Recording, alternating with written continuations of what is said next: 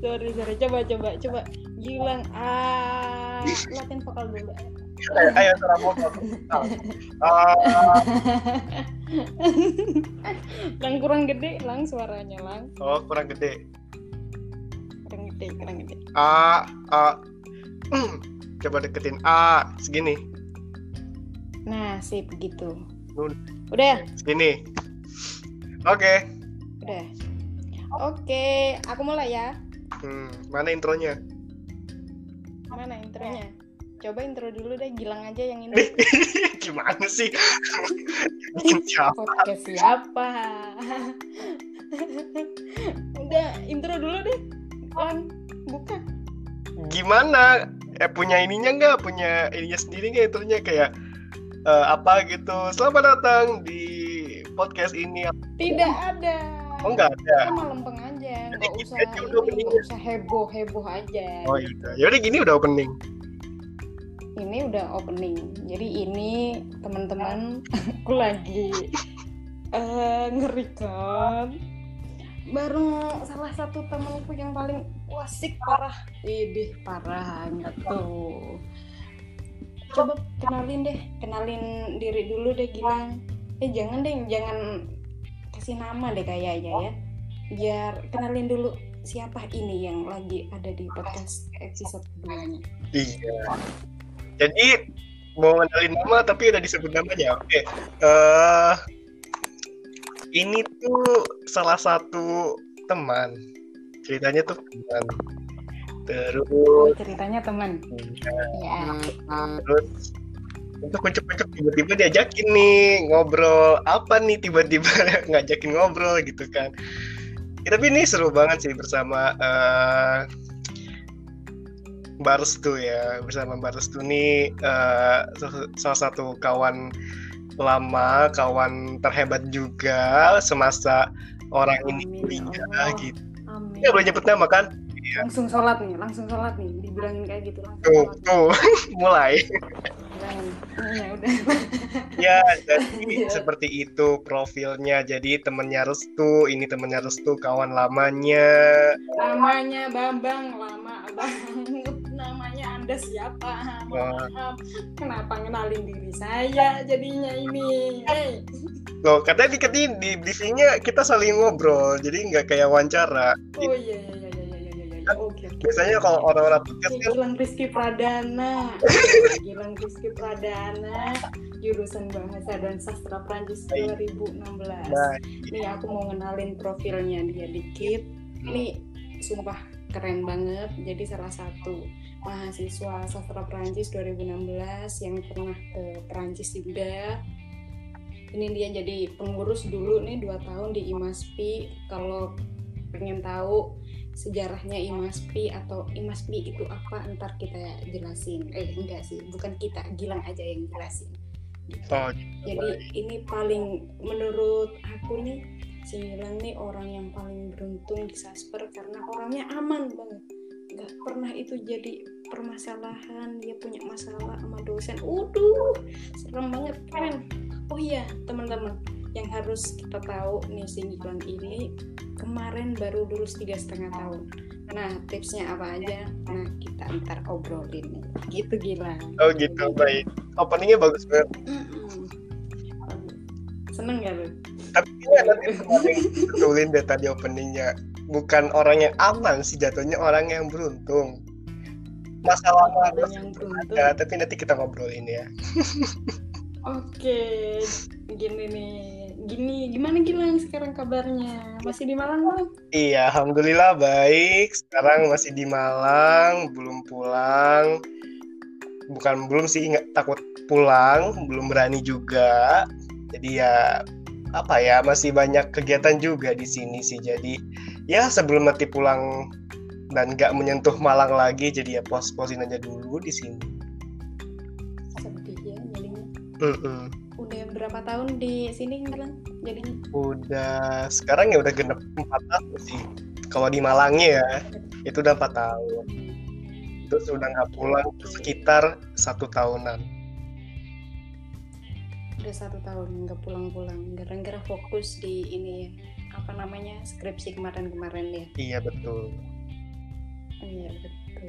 gimana restu pulang kan ya enak ya apa tuh pulang kemarin pulang sih lebaran satu minggu abis itu cus lagi ke Malang kumpre dulu. Kan katanya mau dibantuin sama Gilang. Eh ternyata nggak dibantuin. Oh, iya. cuma disemangat. Semangat terus tuh. Apa ya buat katanya. Sebelumnya sama. Uh, Restu nih akhirnya bisa eh, tercapai ya cita-cita eh, kuliah organisasi jalan eh, akademik jalan selama 4 tahun eh, pada waktu yang tepat seperti itu. Nah nanti juga kayaknya kita bisa eh, sharing-sharing gitu ya. oke. Eh, nih Mbak Restu nih apa tuh? bisa organi eh, berada di organisasi segede itu, segede DPM UB, terus juga tapi Oh, tidak biasa aja itu. Nggak gede-gede banget tapi aja. Oh itu kan ini bagian eh, itu punchline loh. Itu mau punchline? Jadi tuh eh, eh, salah satu dewannya dewannya DPM UB nih jadi eh, apalagi ya kalau kita lihat kesannya ih berat banget ya menjadi ibu dewan terus apalagi kayaknya ini kuliahnya terlantar deh. Uh tenang saja teman-teman. Jadi eh ini oke. nggak perlu bikin gimana kuliahnya. Langsung saja sikat sikat sikat. Tahu-tahu bisa empat tahun pas. Nah nanti kita juga saling sharing ya gimana gak tuh tuh masalahnya bukan sikat-sikat gitu aja orang wah Ana ini disikat sama dosen masalahnya ceritanya gitu bukan ini antum tuh aduh agak susah ini ngomongnya sikat dosennya susah ternyata Ana yang Oh. disikat dosen Iya, iya. berarti Ibu Restu yang bukan menyikat ini ya eh, goalsnya, tapi disikat dosen gitu ya jadinya. Iya bener di tahun 2020 keren tuh Oke oke oke. Gimana? Oke, kita mulai nih ya. Eh, sebelum lebih jauh lagi, ini aku pengen apa flashback dikit ya, Gilang ya. Yap. Ini kita awal ketemu di mana sih, Lang? Selain kita di jurusan, habis itu kita sekelas bareng. Jadi sebenarnya di Sasper itu cowoknya dikit banget nih. Salah satu si Gilang ini ya cowok normal juga di Sasper. normal ya Gilang ya sampai sekarang ya. Lo kuat ketawa lo, eh. Normal terus ketawa gitu, kan kesannya bukan yang normal tadinya gitu. Habis itu tiba-tiba normal gitu ya sekarang. Di awal normal, ya Syukur. ampun. Di awal normal, kagak ada kagak ada menyimpang menyimpangnya. Lurus kalau lurus hidupnya beneran. Amin deh. Aminin aja udah gilanya Tuhan. Ini baru berapa menit udah aduh astagfirullah aku udah nggak sanggup nih keringat. Pertama kali di mana ya? Kita ketemu pertama kali di di mana ya? Apa tuh? sih? Apa main teater bareng itu Oh, kita di Bongkuras kayaknya jadi volunteer awal-awal. Iya, jadi Bung Krus itu adalah salah satu acaranya hip-hop. Ya, sekalian promosi ya Gilang ya. Oh, Oke, silakan Gilang. Menjelaskan, menjelaskan loh, bukan promosi. sekalian promosi ntar lagi ada Bongkuras pokoknya. Tuh, ayo gimana gimana, gimana, gimana? Nah ya, jadi buat teman-teman Raspur yang mungkin ada yang di luar UB, eh, di luar UB, di luar Sasper UB, jadi belum tahu nih. Jadi kita sama sama ketemu di eh, salah satu acaranya dari Hima Prancis, ya pokoknya intinya acaranya Hima Prancis gitu kan ya, Himanya Saster. Itu tuh ada sesi di mana kita dulu tuh bermain teater gitu. Jadi dari situ, dari pertama kali ketemu tuh udah mulai nih ada first impression gitu kan ke ke Mbak Restu nih kayak gimana sih orangnya gitu. Eh pas ketemu, wow gitu kan kayak oh ini yang namanya Restu Wahana gitu kan. Oh, ini namanya Gilang Rizky. Waduh, parah, parah. Tapi enggak, tapi dulu Oh temen, gimana gimana? dulu First impression? nggak beda jauh sih. Jadi dulu tuh mungkin karena ini aja ya, karena eh, masih adaptasi juga gitu kan, ibarat masih maba gitu kan. Jadi eh, belum ada eh, apa ya, belum ada panggung yang sebenarnya dari seorang Restu nih. Kayak panggungnya tuh cuma di teater aja padahal dia nggak tahu nanti beberapa tahun ke depan tuh ternyata dia punya panggung yang lebih besar daripada teater. Wah gitu kan. Terus juga Oh, serem. Serem deh makanya. Mungkin eh, Mbak Restu ini juga sering main teater ya waktu SMA jadi ya udah ada udah ada pengalaman lah. Beda sama beda sama gue yang nggak tahu apa-apa dari SMA juga sebenarnya nggak suka-suka banget teater tahu-tahu eh ya seneng aja ngelihat teater dan di kuliahan tuh dan teater Prancis tuh ternyata seru gitu loh. Padahal ya seru. Terus tapi seru kan? Pakai pakai bahasa Prancis full gitu iya. Aduh Padahal masih malu. Eh tapi dulu awal-awal kita udah pakai bahasa Prancis ya sih, Lang? Oh setengah Prancis setengah Indo iya. sih itu? Mm-hmm. Itu udah, nah. udah pencapaian gak sih buat kita? Jadi pada kita tuh enggak sih. Maaf. Oh, buat Gilang aja. Oh iya. Karena kita main bareng dan itu pencapaian buat Gilang aja udah. Oh nggak bisa gitu. oh nggak bisa. Oh nggak bisa. Eh anda ini ada masih ada fotonya kita berapa tahun yang lalu oh, ya. Iya. Eh, juga ada masih fotonya ini kalau mau diupload upload nih sekarang. ah, ampun malu tiba-tiba. Sama kali kita ketemu di teater dan selanjutnya kita ya uh, cukup uh, lumayan lumayan akrab gitu ya. Terus uh, mulai Sekarang selanjutnya mulai ya? gitu ya kayak ya balas tuh dengan dunianya, saya dengan dunianya gitu Gilang yang akademisi banget. Wah gila teman-teman. Lo kita ngelihat akademisi bang uh parah gitu. Ini kita lanjut ya di di pembahasan selanjutnya. Baik. jadi aku sebenarnya mau nanya masalah akademisi karena aku ngelihat Gilang ini salah satu mahasiswa di angkatan 2016 itu yang mentingin banget masalah pendidikan wah parah. Kalau kita ngomongin masalah pendidikan tuh Gilang tuh jagonya gitu salah satu ya ada sih beberapa tapi yang kesorot ini dan di circleku nih ada si Gilang. Nah itu. Jadi pertanyaan pertama si Gilang aku mau nanya nih sebenarnya. Dan penasaran banget goals hidupnya Gilang itu awalnya itu apa sih sebenarnya? Apakah emang benar-benar UB itu menjadi salah satu goals pas SMA nih aku benar-benar mau masuk ke UB nih gitu apa gimana tuh Gilang? Oke okay. kalau diceritain gimana uh, goals hidup ya ini kan berarti kita flashback ke zaman-zaman SMA gitu ya mau mau kuliah tuh gimana sih gitu kan nah uh, dulu tuh sebenarnya nggak ada kepikiran banget buat UB apalagi sastra gitu jadi dulu tuh masih nggak tahu eh dulu tuh uh, masih taunya tuh jauhnya tuh sejauh UGM doang. Nggak tahu ke arah Jawa Timur tuh uh, ada apa aja gitu kan. Terus uh, pun juga dari awal tuh sebenarnya nggak mau nggak mau sasper gitu. Bahkan nggak tahu sasper kayak gimana. Tadinya tuh gua uh, akuntansi terus karena kan SMA-nya basic IPS terus uh, akuntansi tapi makin lama ngerasa kayak kok belajar akuntansi jadi makin eh, nggak uh, semangat gitu ya. Padahal uh, ketika nanti udah lulus kuliah gitu kan terus jadi lulusan akuntansi itu kan kerjanya juga uh, banyak gitu uh, kesempatannya. Dan apa ya sekali dapat kesempatan tuh gajinya ya nggak main-main gitu kan. Terus uh, tapi tuh apa ya takutnya tuh nanti ketika gua udah nanti kuliah akuntansi gitu mau di mana pun kampusnya itu tuh malah makin nggak seneng dan akhirnya terbebani. Dan akhirnya dari situ gue mencoba untuk cari tahu sebenarnya uh, passion gue tuh di mana sih. Kayak setelah uh, minggat dari akuntansi gue tuh rencananya ada di hubungan internasional. Kenapa? Karena semenjak SMA tuh udah seneng banget yang yang namanya ngomongin hal-hal berbau isu internasional gitu kan dulu tuh uh, zaman zamannya orang-orang eh, maksudnya siswa-siswa SMA tuh lagi senang-senangnya belajar tentang PBB, belajar tentang organisasi-organisasi internasional gitu kan yang ada di Indonesia gitu. Nah, akhirnya itu keikutan di gue dan akhirnya oh kayaknya coba deh HI gitu kan.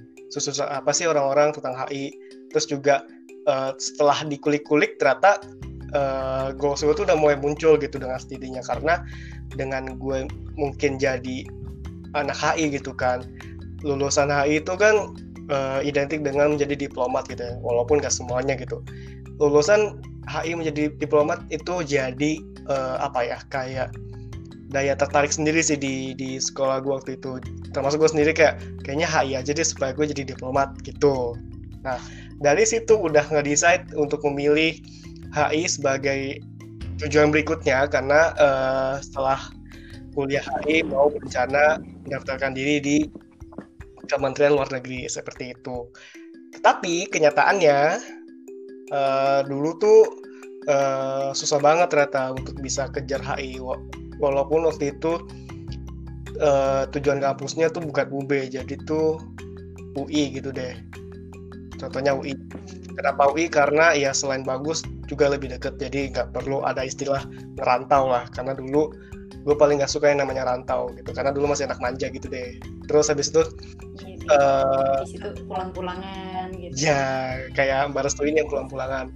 Terus terus habis terus habis itu uh, sebelum SNM tuh kayaknya sebelum SNM tuh udah nggak riset banget udah 100% HI gitu kan. Tiba-tiba ada uh, suatu makhluk gitu kan suatu teman yang bilang uh, gimana kalau misal lo jangan HI kalau misal emang dari awal nggak pede digituin dong. Terus kayak rasanya emang kenapa kalau misal uh, eh, gue milih HI emang ada yang salah gitu kan?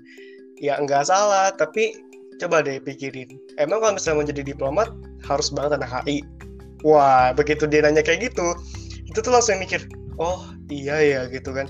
Emang kalau misalnya menjadi diplomat harus banget anak HI akhirnya itu tuh malam itu bener-bener cari tahu lagi di di research lagi gitu peluang-peluang diplomat dari jurusan apa aja. Nah di situ muncullah sastra gitu kan di bagian akhir gitu di artikelnya bagian nomor terakhir.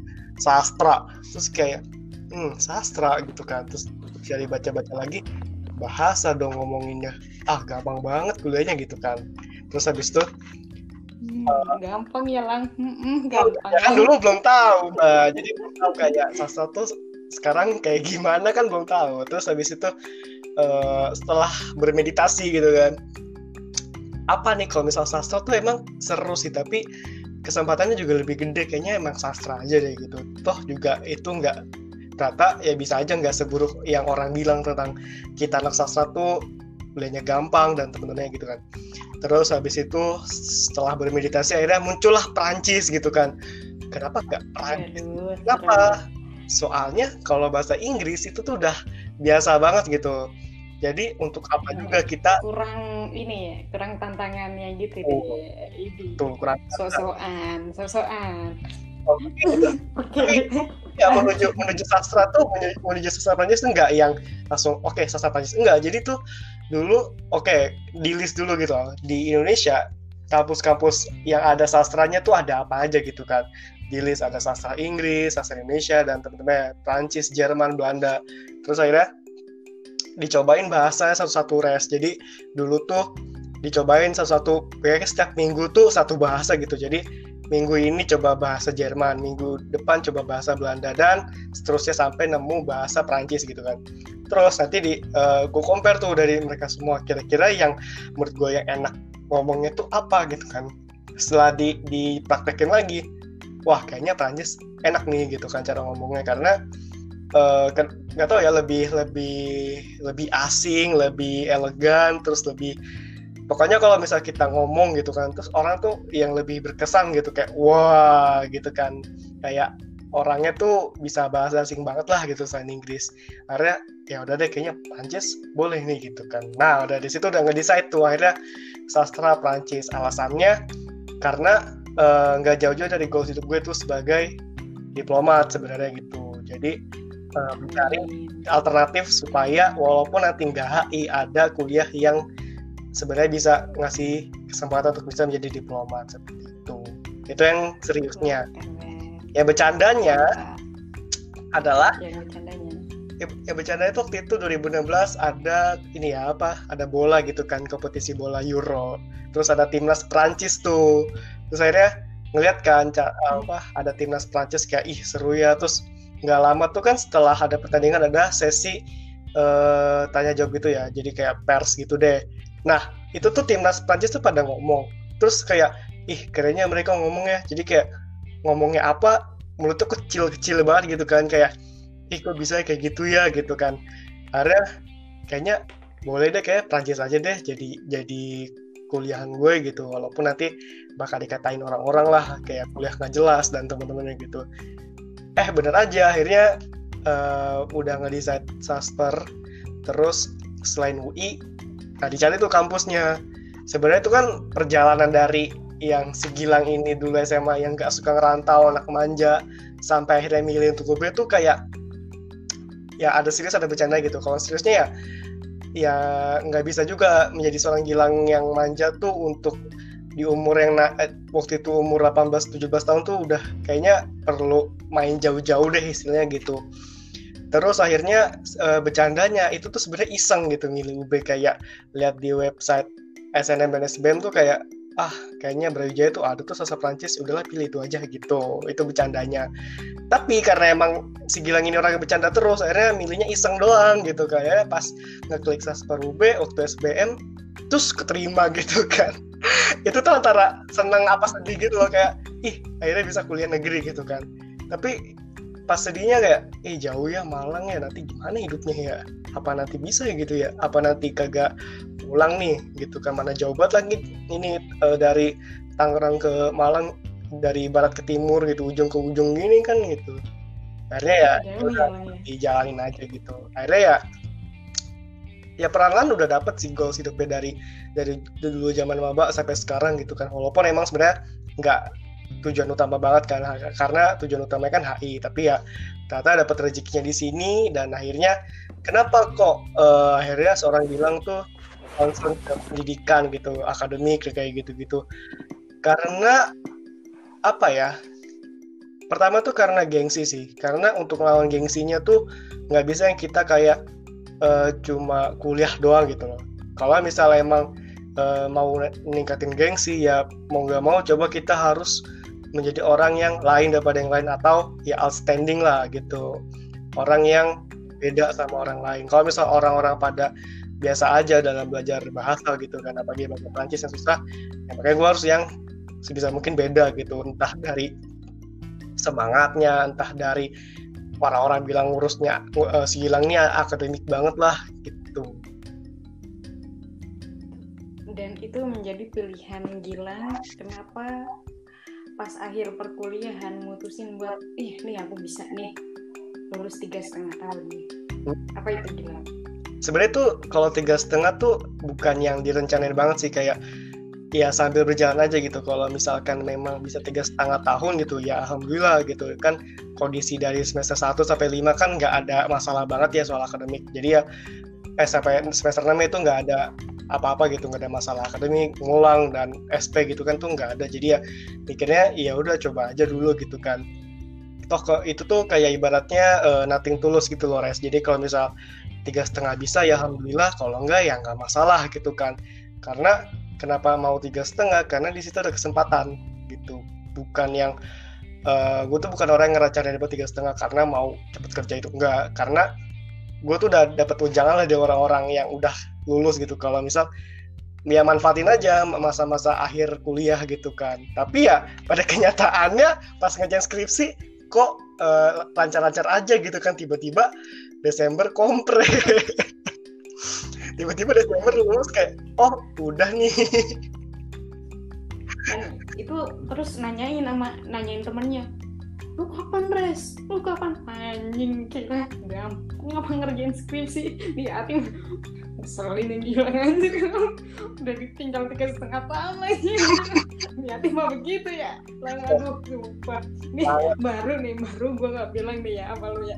Gue tuh kesel anjir dibully. Sumpah makanya gue tuh bener-bener wah anjir meskipun disikat sama dosen mau bodoh amat udah pokoknya udah lulus udah lulus gitu. Ya, lawan gila gitu intinya ya makanya. Aduh tuh dan ternyata di Saspor itu nggak semudah orang-orang pikirin gitu. Iya betul. Coba dari nah, dari Balsu sendiri deh.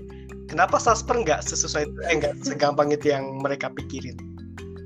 Ya karena gini aja sih sebenarnya. Karena yang pertama gue kan bukan orang yang rajin lah. Beda kan sama lo kan? Hei, jangan gitu dong nah gitu. Bener emang ini ini bener-bener serius nih ya. Okay. emang dari mbak itu teman-teman. Si Gilang ini orangnya rajin banget. Semua tugas kerjain waduh udah selesai tepat waktu. Nah aku ini orang-orang yang ya udahlah ntar aja organisasi aja ngobrol dulu diskusi dulu ke sana sini ke sana sini ke sana sini. Ntar tiba-tiba ada tugas wah anjir belum ya tugasnya. Nah gitu.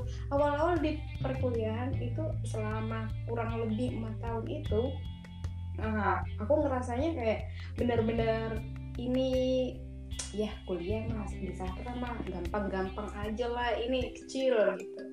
Dan baru ngerasa susahnya itu pas semester berapa ya lang ya? Diajarin sama dosen itu dosen yang itu yang ngasih nilai B sama saya.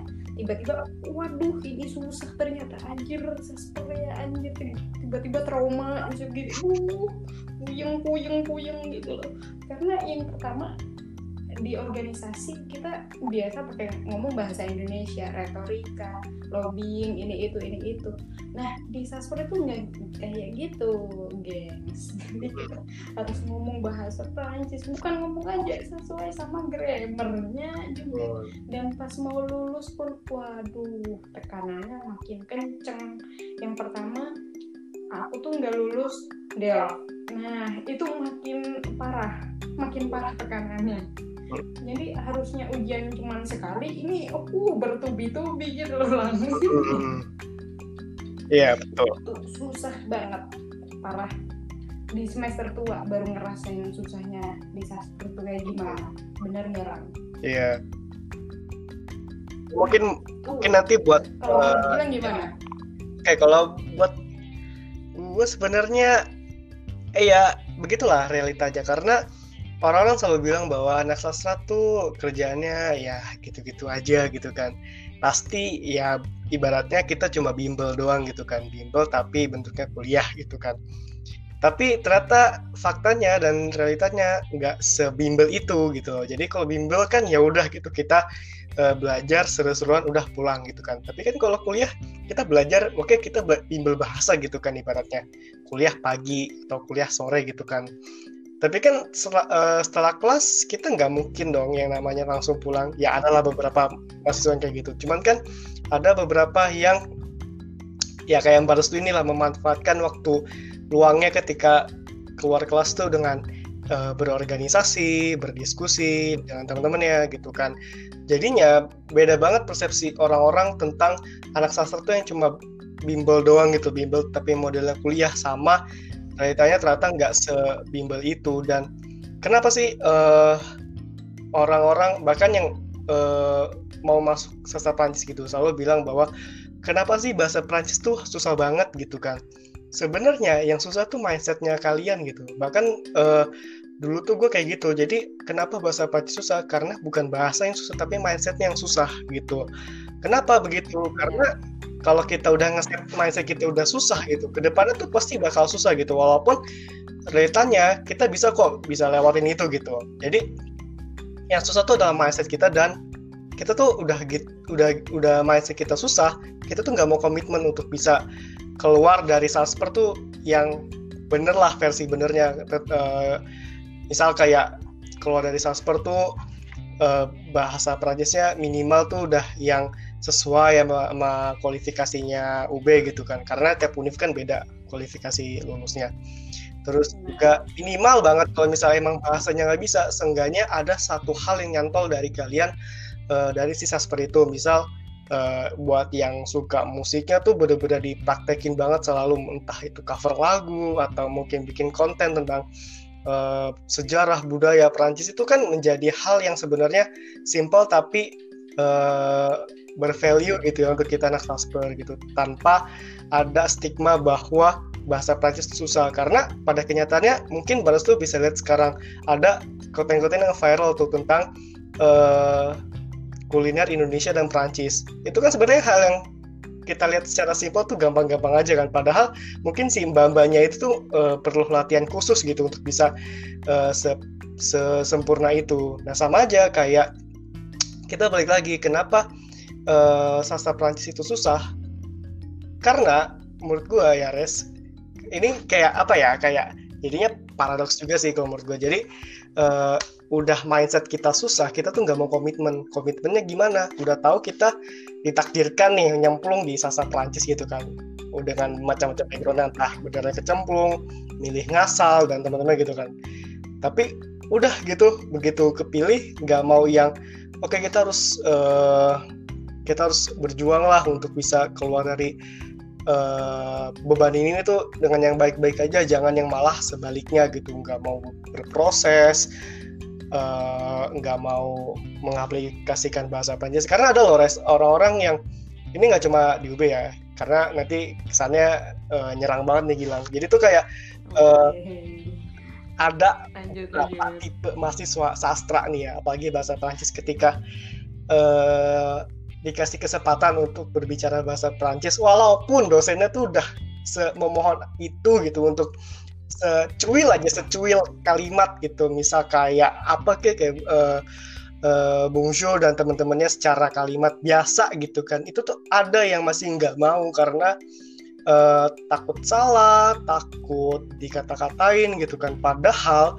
uh, dulu kenapa uh, gue bisa akhirnya bisa ya lumayan pede lah untuk bisa berbicara bahasa Prancis.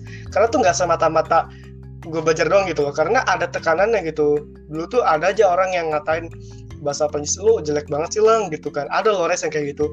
Terus akhirnya kayak oh, Anjir, serius? Oh ada eh oh iya emang jelek gitu. Ya udah. Akhirnya begitu ditekan begitu dibully dan segala macam kenapa nggak kita counter? Kenapa nggak kita balas aja dengan kita harus belajar gitu atau kita harus praktekkan itu lebih sering gitu kan.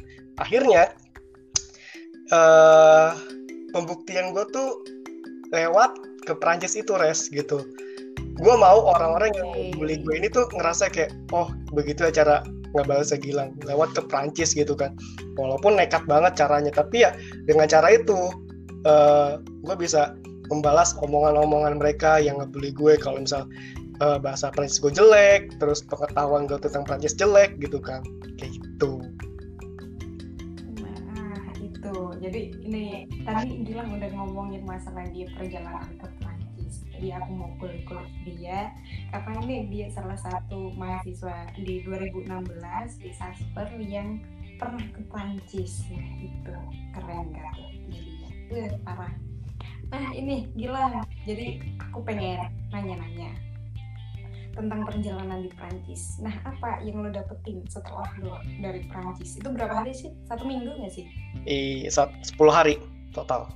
Oh, sepuluh hari. Sepuluh hmm. hari dia ke Prancis. Nah, hmm. itu apa gila?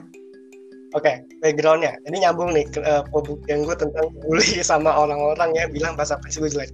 Dengan cara gue ke Prancisnya langsung dengan cara yang nekat. Jadi background ceritanya adalah waktu tahun 2018 itu tuh ada kesempatan dari uh, kayak komunitas gitu dari Universitas Berjaya Model United Nations itu tuh kayak kalau simpelnya tuh sidang PBB simulasi sidang PBB gitu versi pelajar gitu kan.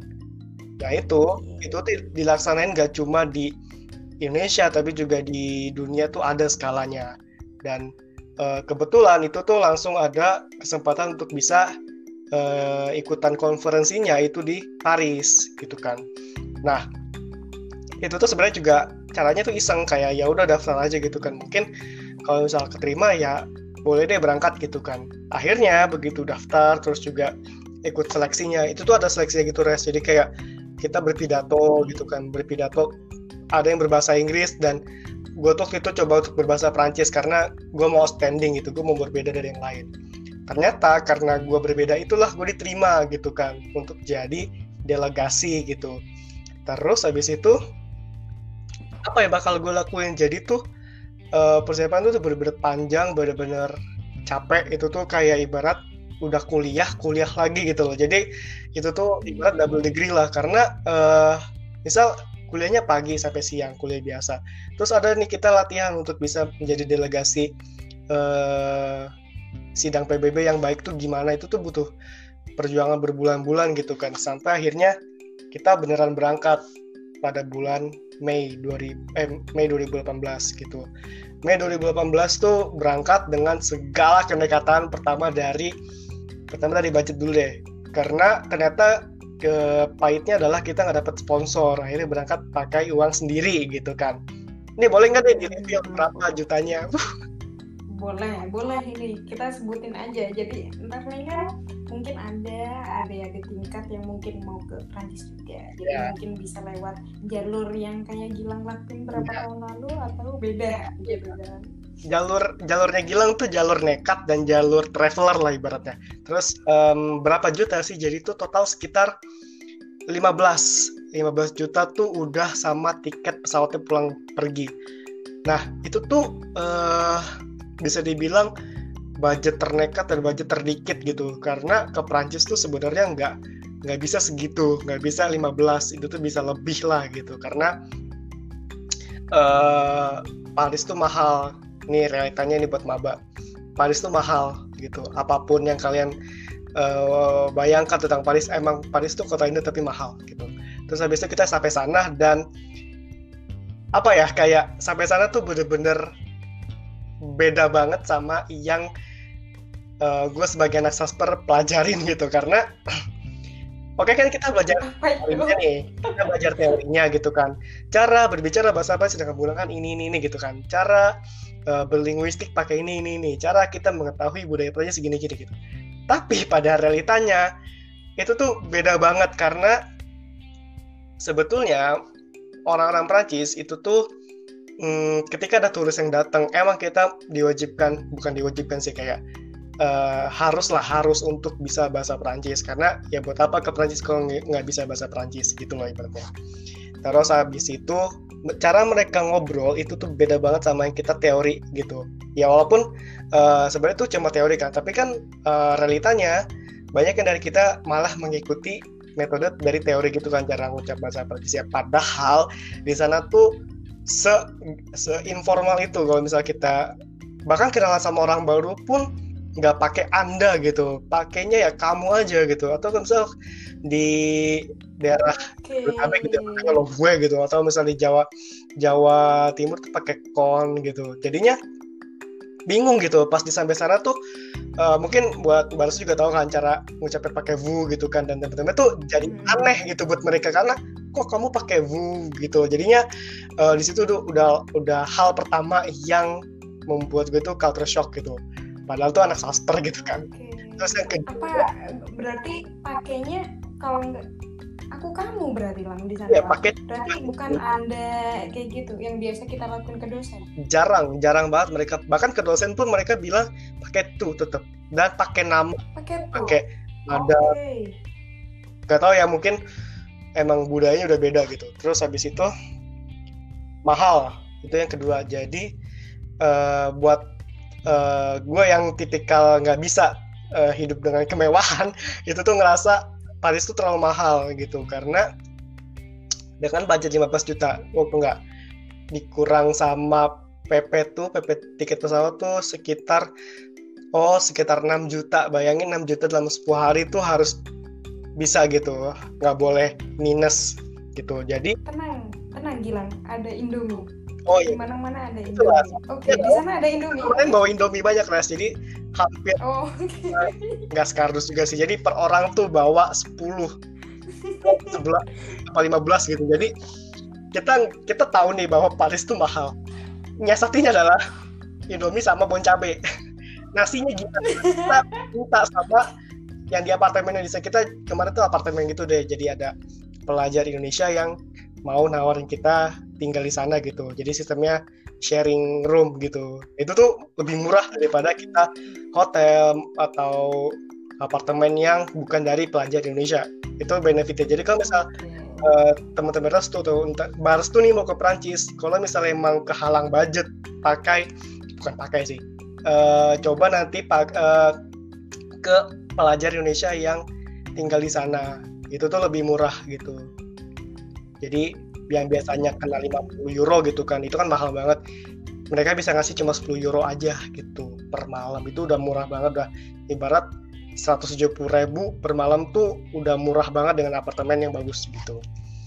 Terus kedekatan-kedekatan itu akhirnya bikin gue tuh mikir ya kayak kayaknya kalau misal kita nih sebagai sasper gimana caranya untuk bisa eh, berbahasa yang sama seperti mereka terus juga tiba-tiba mungkin bisa setara B1 atau B2 dengan cepat ya caranya seperti itu res. Nekat itu nekat ke Perancis dengan apa pun caranya gitu. Kenapa? Karena kalau misal udah di Perancis itu tuh bener semuanya kepake banget praktek-prakteknya tuh kepake banget. Dan jadi mau nggak mau lu harus ngomong bahasa Perancis jadinya ya karena walaupun Paris itu kota turis gitu ya yang ya semua orang tuh ada lah gitu segala dunia segala negara tuh ada di sana tapi tuh itu kan cuma di kota-kota wisata. Kalau misal di kayak barat nih, uh, Malang gitu kan, mungkin di Bromo, di kota di tempat-tempat wisata ya pakai bahasa Inggris gitu kan. Tapi kan pada kenyataan kalau kita ke mana, misalnya kita ke Sedimoro gitu, kita nggak mungkin kan uh, bahasa Inggris terus karena ada yang nggak ngerti gitu bahasa Inggris. Kita pengennya uh, orang-orang bule tuh bisa bahasa Indonesia gitu atau atau bahkan bisa bahasa Malangan gitu kan. Ya sama aja kayak di sana. Walaupun kita sebagai turis gitu pada faktanya mereka mau tetap kita belajar bahasa Perancis gitu. Walaupun dasar-dasarnya doang gitu. Itu tuh kayak bentuk apresiasi kita kepada mereka tuh kayak gitu deh. Tapi faktanya adalah uh, dulu tuh kan kondisinya gue uh, masih A2 res waktu berangkat tuh 2018 tuh masih A2 itu tuh kan ibaratnya masih masih A2 ya bener. masih kecil gitu kan masih ya nggak ada apa-apanya lah gitu. Buat masih uh, pemula lah ya kita ngomong gitu kan. AO AO masih masih pemula banget tapi udah dipaksa ngomong gitu sama warga lokal gitu kan. Itu tuh udah-udah parah banget sampai akhirnya gue juga dibully di sana gitu. Jadi udah di di di kampus dibully di sana juga dibully gitu kan. Karena ada nih beberapa orang kayak misal um, apa sih kayak yang yang ngurus tiket kereta gitu. Itu tuh dia nggak mau pakai bahasa Inggris. Terus habisnya uh, gue coba tuh bisa bahasa Prancis karena uh, teman-teman gue tuh kan gue berangkat berlima. Jadi tuh mereka tuh bergantung sama gue karena ibaratnya gue tuh sebagai tour guide-nya gitu. Setelah dicoba tuh salah banget kayak ah dia ngomong apa gitu kan? Kok nggak ada di sehari-hari di kampus ya dia ngomong apa lagi? Gitu kan. Terus akhirnya uh, aku tuh ngejelasinnya pelan-pelan banget sepelan itu. Ya kayak uh, excusez-moi madam sepelan itu. Karena uh, mau biar dia ngerti gitu. Oke dia ngerti. Tapi di, akhirnya ngerti? Akhirnya ngerti? Ngerti tapi dianya ngomong ke gua. Guanya nggak ngerti karena dia cepet banget asyur asyur asyur gitu. Ah, ngomong apa gitu kan? Itu tuh udah ngomong pardon bahasa planet tiba-tiba aduh apa ini? udah, udah pusing udah gak tahu ini mau ngapain gitu kan. Akhirnya uh, tapi ya ada aja idenya untuk bisa cari tahu gimana bisa uh, ngobrol sama mereka gitu. Itu hari pertama tuh udah dibeli. Terus juga hari kedua dan seterusnya tuh benar-benar selalu ada yang ngatain kalau misal gak usah deh pakai bahasa Prancis gitu loh. Itu tuh lebih nyakitin daripada teman kita sendiri gitu karena itu orang Prancisnya langsung. Anjir. Sosokan nih ngomong bahasa Prancis tapi nggak bisa kan gitu. Iya nadanya kita nggak mampu ya benar-benar nggak mampu belajar bahasa Prancisnya hmm. gitu kayak ah nggak usah lah gitu. Itu sampai kayak gitu dan itu tuh uh, jujurnya bikin sedih berhari-hari sih. Jadi kayak tiap malam tuh uh, bawaannya tuh pengen pulang gitu kayak udah udah mesen tiket lagi lah intinya gitu. Mesen tiket lagi buat pulang padahal belum waktunya gitu. Tapi apa yang buat gue jadi balik lagi gitu? Karena sebetulnya uh, gue tuh masih belum ada apa-apanya sama orang-orang Indonesia yang udah di sana gitu yang jadi pelajar di sana tuh uh, masih mending gue gitu. Jadi ibaratnya gue tuh baru bisa beradaptasi tuh 10 hari. Dengan catatan itu juga masih ada belum bisa komunikasinya bagus gitu kan. Itu tuh 10 hari. Terus uh, adalah sesi di mana gue ngobrol sama mereka pelajar-pelajar Indonesia ini yang di Prancis ngobrol-ngobrol gue tanya kalian kalau misal ada kejadian kayak gue uh, minimal tuh berapa lama untuk bisa supaya uh, adaptasi gitu lah sama warga lokal Prancis dan jawabannya tuh benar-benar ngagetin banget. Ada yang uh, bilang kita tuh baru bisa adaptasi 6 bulan bayangin 6 bulan. Sebelum enam bulan dari bulan pertama. itu ya. Dari ya dari pertama sampai enam bulan tuh mereka tuh gimana gitu kan supaya bisa hidup gitu kan.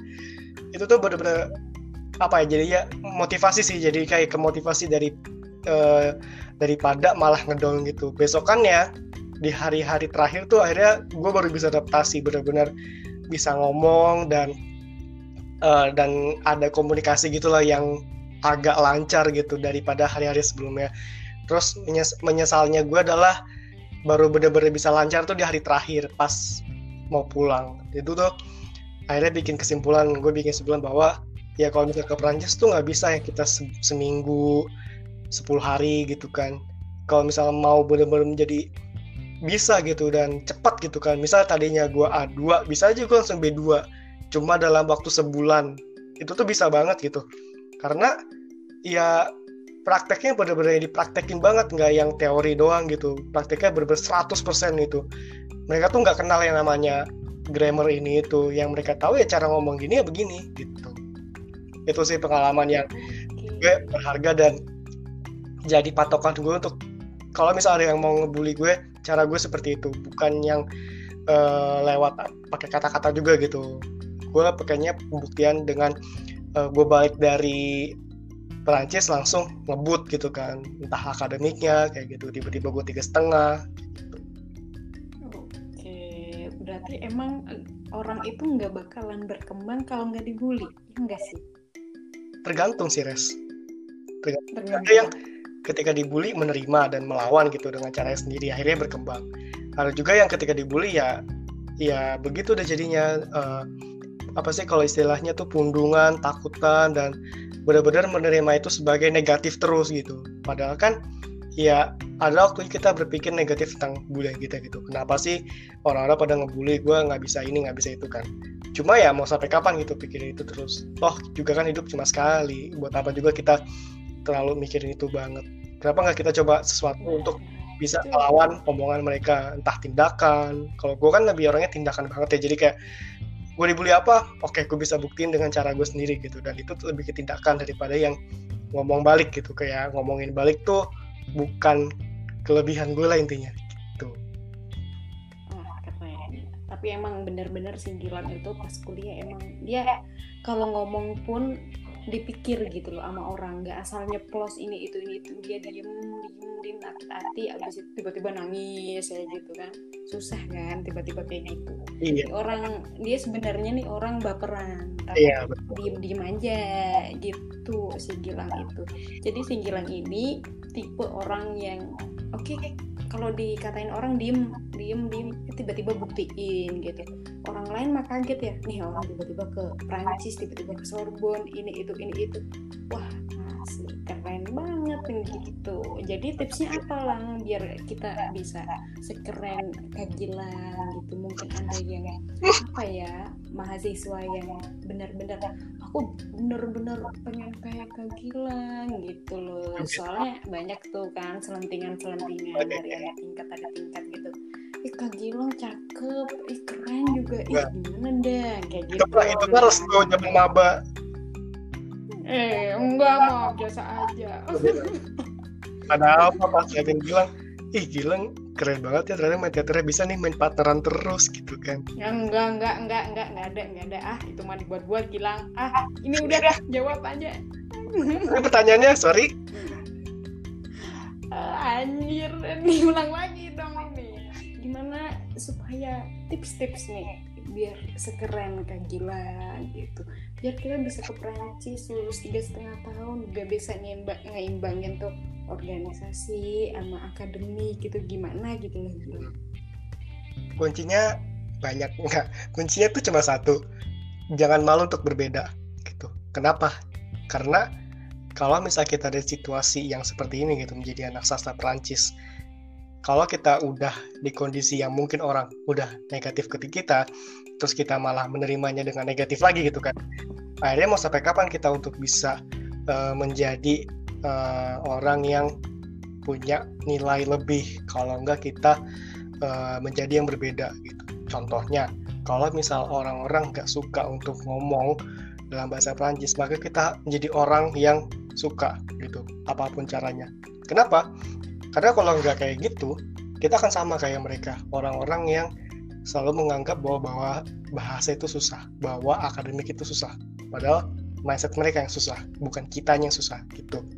Jadi jangan takut untuk berbeda. Kalau misal orang mencemooh kita untuk misal contoh kecilnya itu tadi ngomong bahasa Prancis kita dari awal mungkin nggak bisa banget nih ngomong gitu karena dari SMA nggak belajar atau mungkin cara belajar kita tuh kudu ada waktu yang cukup lama lah untuk bisa fasih gitu. Nah ya udah nggak apa-apa. Biarin orang ngomongin kayak misal e, kenapa sih bahasa Prancis jelek? kayak gitu gitu nah ajak mereka ngobrol gitu jadi kayak ajak mereka ngobrol dengan bahasa Prancis juga gitu. Walaupun sama-sama belepotan tapi kita bisa lihat mana yang berbeda gitu. Apakah kita mau jadi orang yang ngikut? Apakah kita menjadi orang yang berbeda kalau misalnya ada kita udah menjadi orang yang berbeda tapi masih dibully juga toh itu urusan mereka gitu. Contohnya ya gue sendiri gitu. Gue nggak mau jadi orang yang biasa-biasa aja untuk tingkat kuliahan tuh udah nggak bisa banget. Jadinya makanya gue menjadi orang yang berbeda. Kalau misalnya ada orang yang ngebully dengan mereka ngomong gak usah kayak pakai bahasa Prancis kalau ngomong so banget gitu kan. Ada tuh yang kayak gitu. Nah, kita harus balasnya dengan ya udah kita pakai bahasa Prancis terus gitu. Karena apa? Cara kita untuk bisa membalas itu ya seperti itu. Karena kalau nggak kayak gitu, mau sampai kapan kita ada di circle yang negatif atau circle yang toksik lah itu di dalam dunia akademis dan perkuliahan. Terus juga berorganisasi juga nih. Kalau misalnya kita lihat ya berorganisasi yang emang perlu gitu kan di zaman kuliah karena di zaman nanti ketika kalian kerja itu tuh ya penting banget untuk eh, orang-orang melihat skill kita di organisasi itu juga penting. Tapi ketika di organisasi apa sih yang membuat kita berbeda? Nah coba deh tuh ketika berorganisasi, di DPM FIB dan DPM UB. Terus uh, orang-orang bilang bahwa Barestu ini beda sama yang lain. Apa sih yang membuat Barestu beda? yang pertama kalau kita ngomongin masalah di DPM FIB ini nggak terlalu ngerasain perbedaan gitu loh Gilang soalnya yang pertama pas di DPM FIB itu kan cuman anggota gitu kan. Cuman anggota dan itu kayak benar-benar tantangannya kurang. Tapi pas di DPM UB itu wah parah anjir gitu. Tantangannya gila-gilaan. Okay. yang pertama uh, aku itu jadi orang pertama kali sastra anak sastra yang masuk ke DPM UB. Nah, dan megang tanggung jawab jadi ketua komisi hukum sama undang-undang. Nah. Yang pertama pasti dipikirin mana nyambungnya ini gitu kan. Dan itu kan dituntut buat kita ngasilin produk hukum, habis itu gimana caranya kita mengorganisasi orang-orang, itu sebenarnya yang beda tapi yang pertama harus ditanemin itu gimana caranya kita benar kata Gilang gimana caranya kita beda dan emang persepsi dari orang itu. Kalau kita ngerasa sulit itu bakalan sulit selamanya. Tapi pas waktu itu aku emang ngerasa bisa gitu loh. Apa sih yang nggak bisa dipelajarin gitu. Cuman itu aja yang jadi landasan. Akhirnya ya bisa-bisa aja. Ternyata pas pembuatan produk hukum itu banyak banget rentetannya. Hmm. jadi kita harus bikin naskah akademik habis itu apa apa, apa. jadi kayak sekilas satu tahun itu jadi anak hukum gitu loh iya, di situ hmm. nah itu susahnya di situ. Iya. dan benar-benar tanggung jawabnya gila-gilaan. Hmm tuh kan, pas bukan... waktu itu juga hmm? pas waktu itu juga aku ngerasa kayak benar-benar aduh sastra gampang lah ini itu ini itu itu ternyata nggak bisa persepsi itu benar-benar dilanggengin di pikiran kita karena benar-benar kita bakalan mengeliminasi salah satu ilmu wah itu nggak bisa ya. parah itu nggak bisa Betul. itu sih lama hmm. Jadi kesimpulannya adalah sebenarnya untuk mempelajari sesuatu tuh nggak sulit ya. Yang sulit adalah mindset kita untuk mm-hmm, menyesuaikan itu. Itu karena percaya aja sama obrolan orang-orang ya kita bakalan bisa karena kita udah kebiasa gitu kan? Oh. nah itu susahnya. Tapi teman-teman nih aku jadi inget pas aku ketemu Gilang itu aku paling males karena pas akhir-akhir ini dia abis Prancis itu dia wah gila anjir. Ketemu orang dia ngomong bahasa Prancis dan aku sampai aduh ada Gilang tuh di depan. Aduh meper ah meper ah ntar ditanya bonjour tuh aduh ntar ngomong bahasa Prancis ah oh ah, ah gini lah lang anjir. Gilang kenapa jadi kayak gini kan gitu kan? Oh bonjour Gilang ngomong siapa udah abis itu wah ngomong apa lagi nih ya? Aduh ntar ditanyain apa ditanyain apa meper meper masuk kelas lari ya dulu gitu alur restu tuh gitu kalau misalnya lagi kuliah ketemu ketemu Gilang minggir minggir minggir minggir tetap nggak tahu ke mana larinya. Anjir parah itu semua. Gila banget. Dan keselnya pas kalau kuliah pagi ini gerombolannya si Gilang eh, si Opal aduh. Wah anjir nih anak-anak udah ngeliatin dari jauh kan pasti aku dibully nih. Wah bener kan? Deket-deket udah deket-deket mandi res. Kuliah pagi gue mandi. Dong anjing. Ya anaknya bangsat emang. Oh, orang kuliah udah syukur ya. Oh, dibully lagi. Ya bodo amat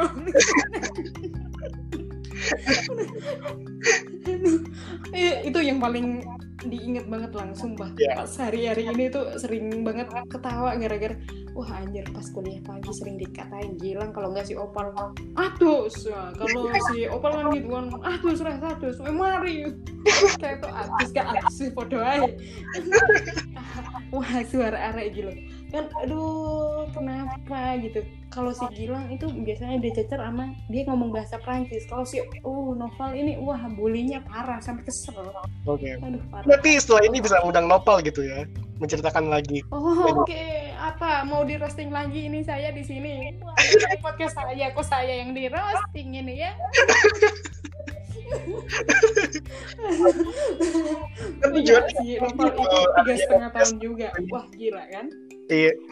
Iya nggak sih Iya. Nah, tapi pas kalian lulus bener-bener aduh sepi ya kuliah nggak ada yang ngebully gitu. Ke ini teras budaya udah nggak ada yang ngata-ngatain mandi res mandi. Nggak ada anak-anak gitu kan. Ngerasa ngerasa benar-benar kayak meskipun itu benar-benar bercandaan dan emang nggak sampai hati itu jadi kayak ya kangen ya gitu kan. Abis itu pulang pulang ini nyampe selesai selesai kelas kan biasanya kalau kelas pagi 9.40 kita selesai ya lang ya? Iya betul. 9.40 nih di FIB itu udah selesai. Udah buru buru buru nih Pres mau ke mana? Mandi. Mandi itu bisa dua bisa tuh antara restu mandi atau restu tidur lagi. Aduh ada ada aja gitu. Tapi emang sastra itu santai itu enggak sih lah betul. Kita sama teman-teman gitu santai banget. Jadi kita saling bully itu udah ah biasa lah karena emang kayak gini gitu kan. Nah itu. Jadi selanjutnya nih lah jadi mau nanya masalah sastra jadi aku kan beberapa kali emang lihat sih Gilang itu ada ketertarikan di sastra gitu kan beberapa tahun ini. Gitu. Deskripsi ini sastra itu buat Gilang itu kayak gimana sih? Ini nggak salah nanya kan ya? Enggak enggak enggak okay. salah nanya. Mau ya. nanya pakai bahasa Prancis Oh enggak, enggak, enggak jadi lah, enggak jadi lah, udah lupa bahasa Prancis. Takutnya, takutnya, takutnya kan ini ngomongin sastra nih, terus ada yang lebih berpengalaman nih. Takutnya oh, ya, tidak tidak seperti itu antum aja lagi itu ya. aduh susah nih buat bisa deskripsiin hal yang oke oke. Bukan gitu Gilang. Jadi kan aku tuh pertama kali tahu filsuf dari Perancis habis itu sastrawan dari Prancis itu dari si Gilang jadi teman-teman. Okay. jadi kalau kalian melihat sastra itu sebenarnya sastra Prancisnya itu dapetnya dari si Gilang.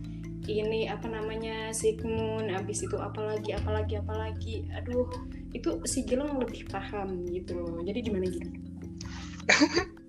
aduh mau jawab takut salah. Oke okay.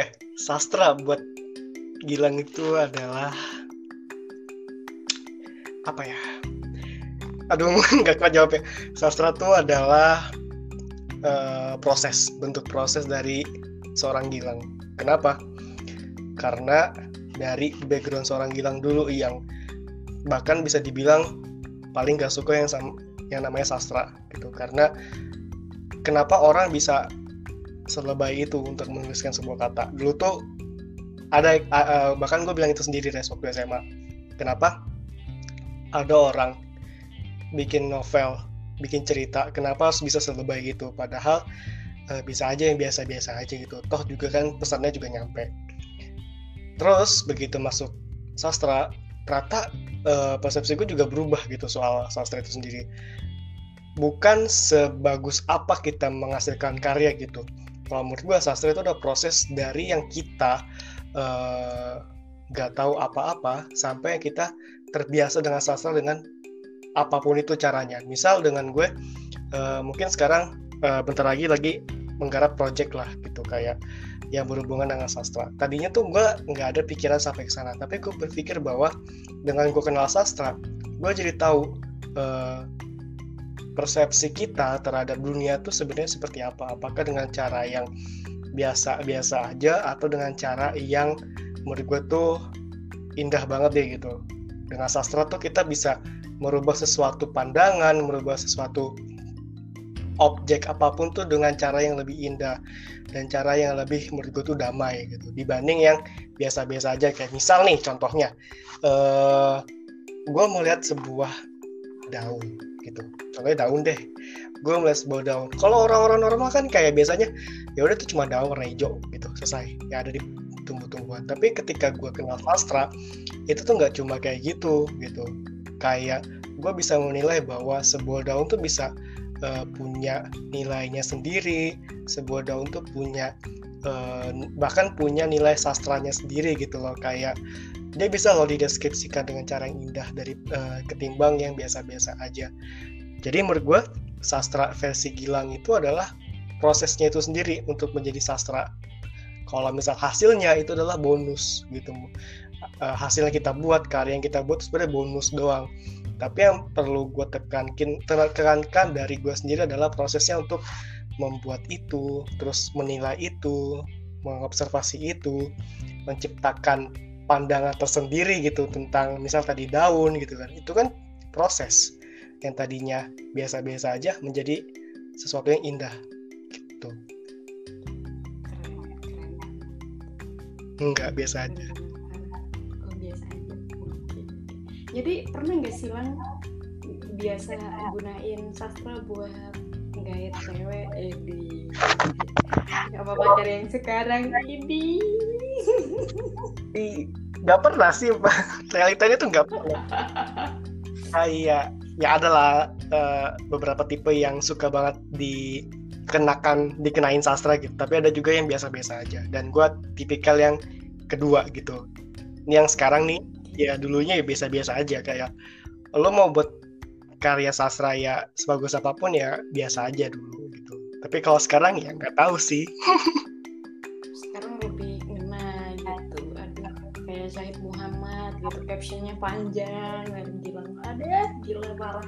Kayaknya lihat tuh lihat tuh lang jadi cewek-cewek yang lain itu waduh jarinya sampai gemeter gitu loh. Aduh lihat captionnya gila aduh cocuit banget. Aduh gitu kan. Serius serius ini. Serius ini tuh lucu cocuit parah gitu. Aduh anak sastra kayak gini ya bikin luluh gitu kan. Terus biasa gitu kan. Gak mengerti orangnya kita juga apa? dia luluh gitu kan bagian lu tanya ke kita ya ya iya. Ya kita ngomongin masalah daun tadi jadi kita bahasan random nih sebenarnya.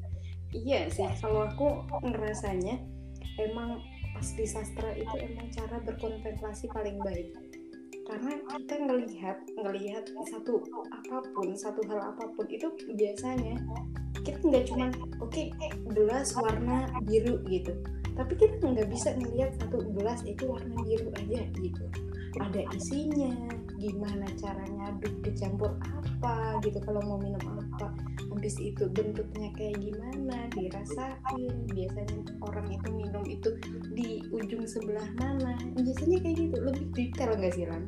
betul.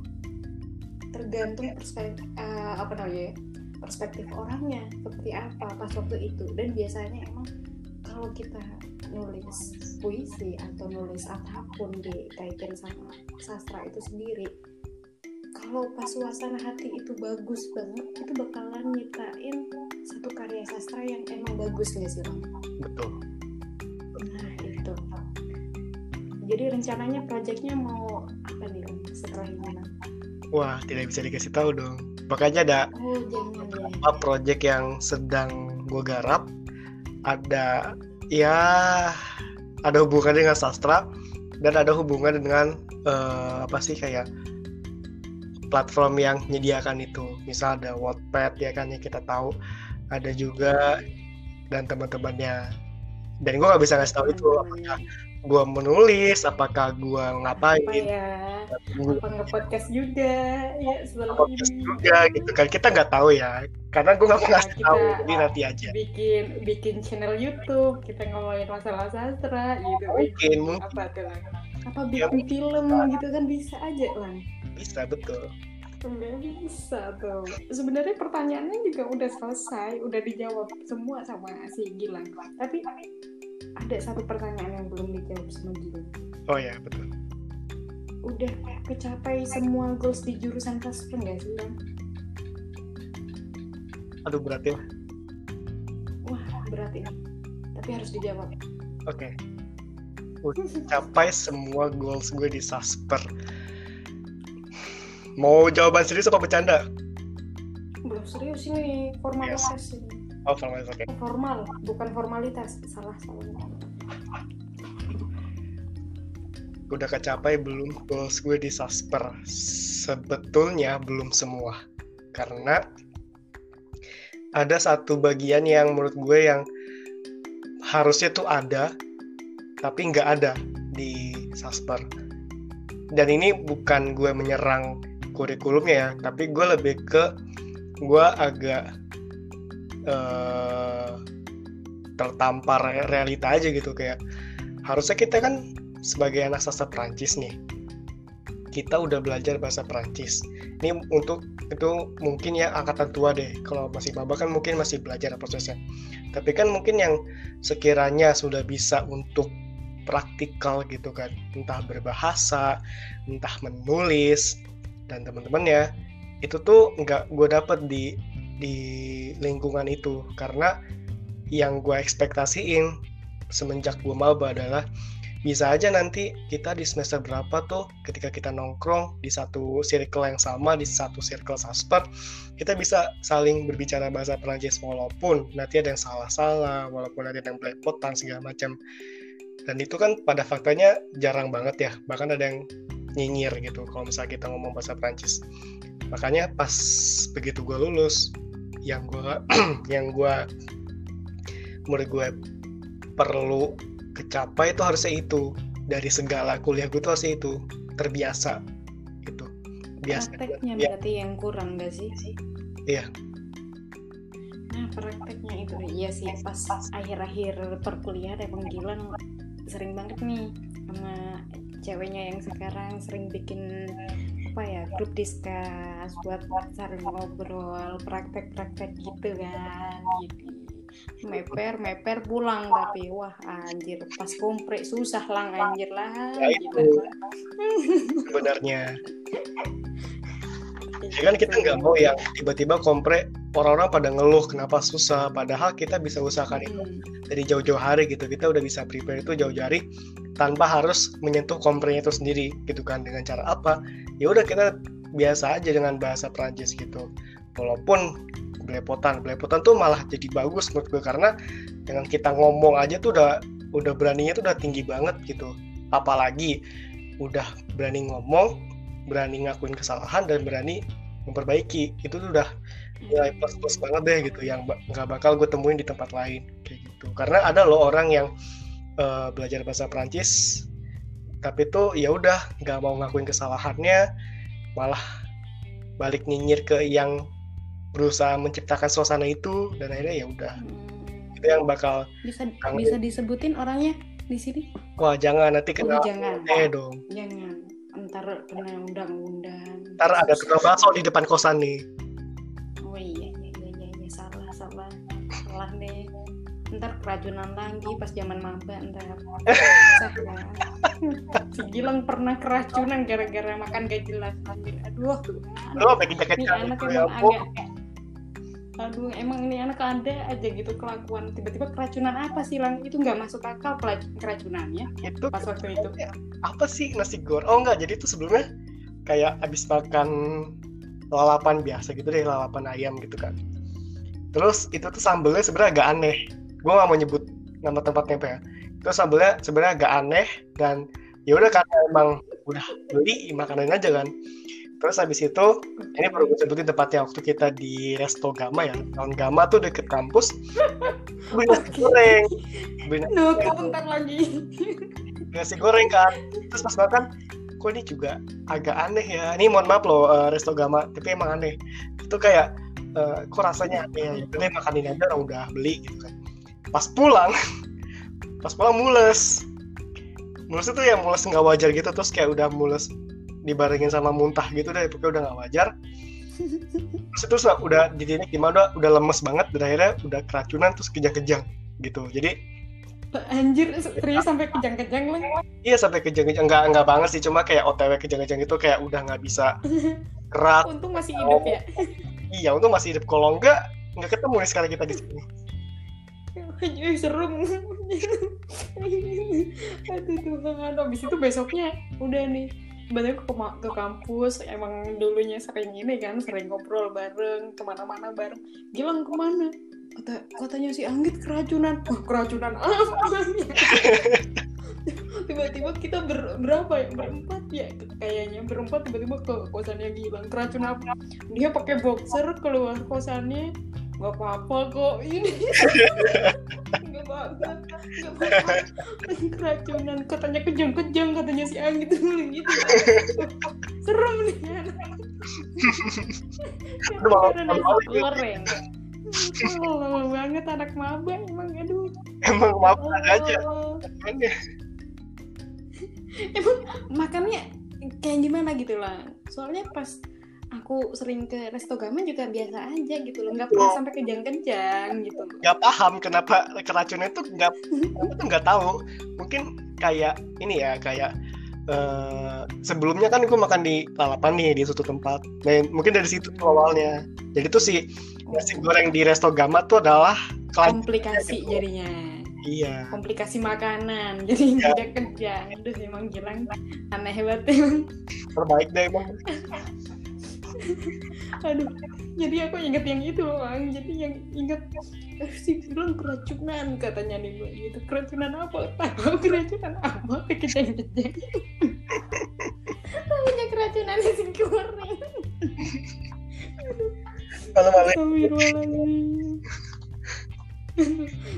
Ini sebenarnya udah udah selesai Gilang, Gilang. Nih pertanyaannya udah udah selesai semua. Jadi buat closing, jadi aku pengen nanya apa yang Gilang ingat dari ya dari restu lah buat kita closing aja. Idi apa lang? Jangan menyentuh lo lang. Ntar kayak baca caption, aduh luluh nih luluh gitu karena cuit gitu kan biasa aja bi- biasa aja mau yang serius apa yang bercanda serius lah lang. Ini udah tua juga lang. Jangan Oh, iya. bercanda bercanda lang sekarang mah. Oh, yang bercanda-bercanda. siapa? Oh ya oke satu kata buat restu. Satu kata apa satu kalimat ya? Satu kata aja deh. Satu kata buat deh satu paragraf juga oke. Oke boleh. Eh, satu kata buat restu. Jangan pernah takut untuk berbeda. gitu Iya. Iya. Siap Bercandanya mandi. udah mandi lang sumpah lang ini barusan mandi lang serius ini mandi aduh anjir di mana mana ditanya mandi lagi kan kampret emang si Gilang emang gak berubah astaga. Kayak gitu. Kita ketemu di mana gitu kan di Malang apa di mana nih mungkin baru restu bisa kerja di Jakarta gitu kan tiba-tiba ketemu eh restu gitu kan udah mandi. Tanya aja ya Gilang Lang jangan dua gitu dong. Ntar ditanyain Terus udah mandi belum? Gitu. Aduh tenang gitu. Udah gitu loh. Nih mandi gitu kan. Oh, iya, iya. Parah. Ya, restu nih udah bersih sekarang udah udah rajin mandi. gitu kan. udah udah rajin mandi. Udah ini kayak ini selebgram selebgram parah gitu lah. Asik gitu Betul. bercanda. Bercanda bercanda bercanda kilang udah deh. Oke ini udah nih ya lang ya. Thank you banget udah mampir di podcast. Oke. restu ini ternyata pas aku record rencananya cuma 30 menit. Ternyata waduh Lang, Uh, lebih banget Lang. Masya Allah lebih banget masalah ya Allah. Ya udah deh. Thank you ya Gilang ya. Semoga ya, semoga karirnya sukses. Semoga langgeng juga sama pasangan. Bibi siap deh. Ya thank you Gilang. Assalamualaikum. Sukses selalu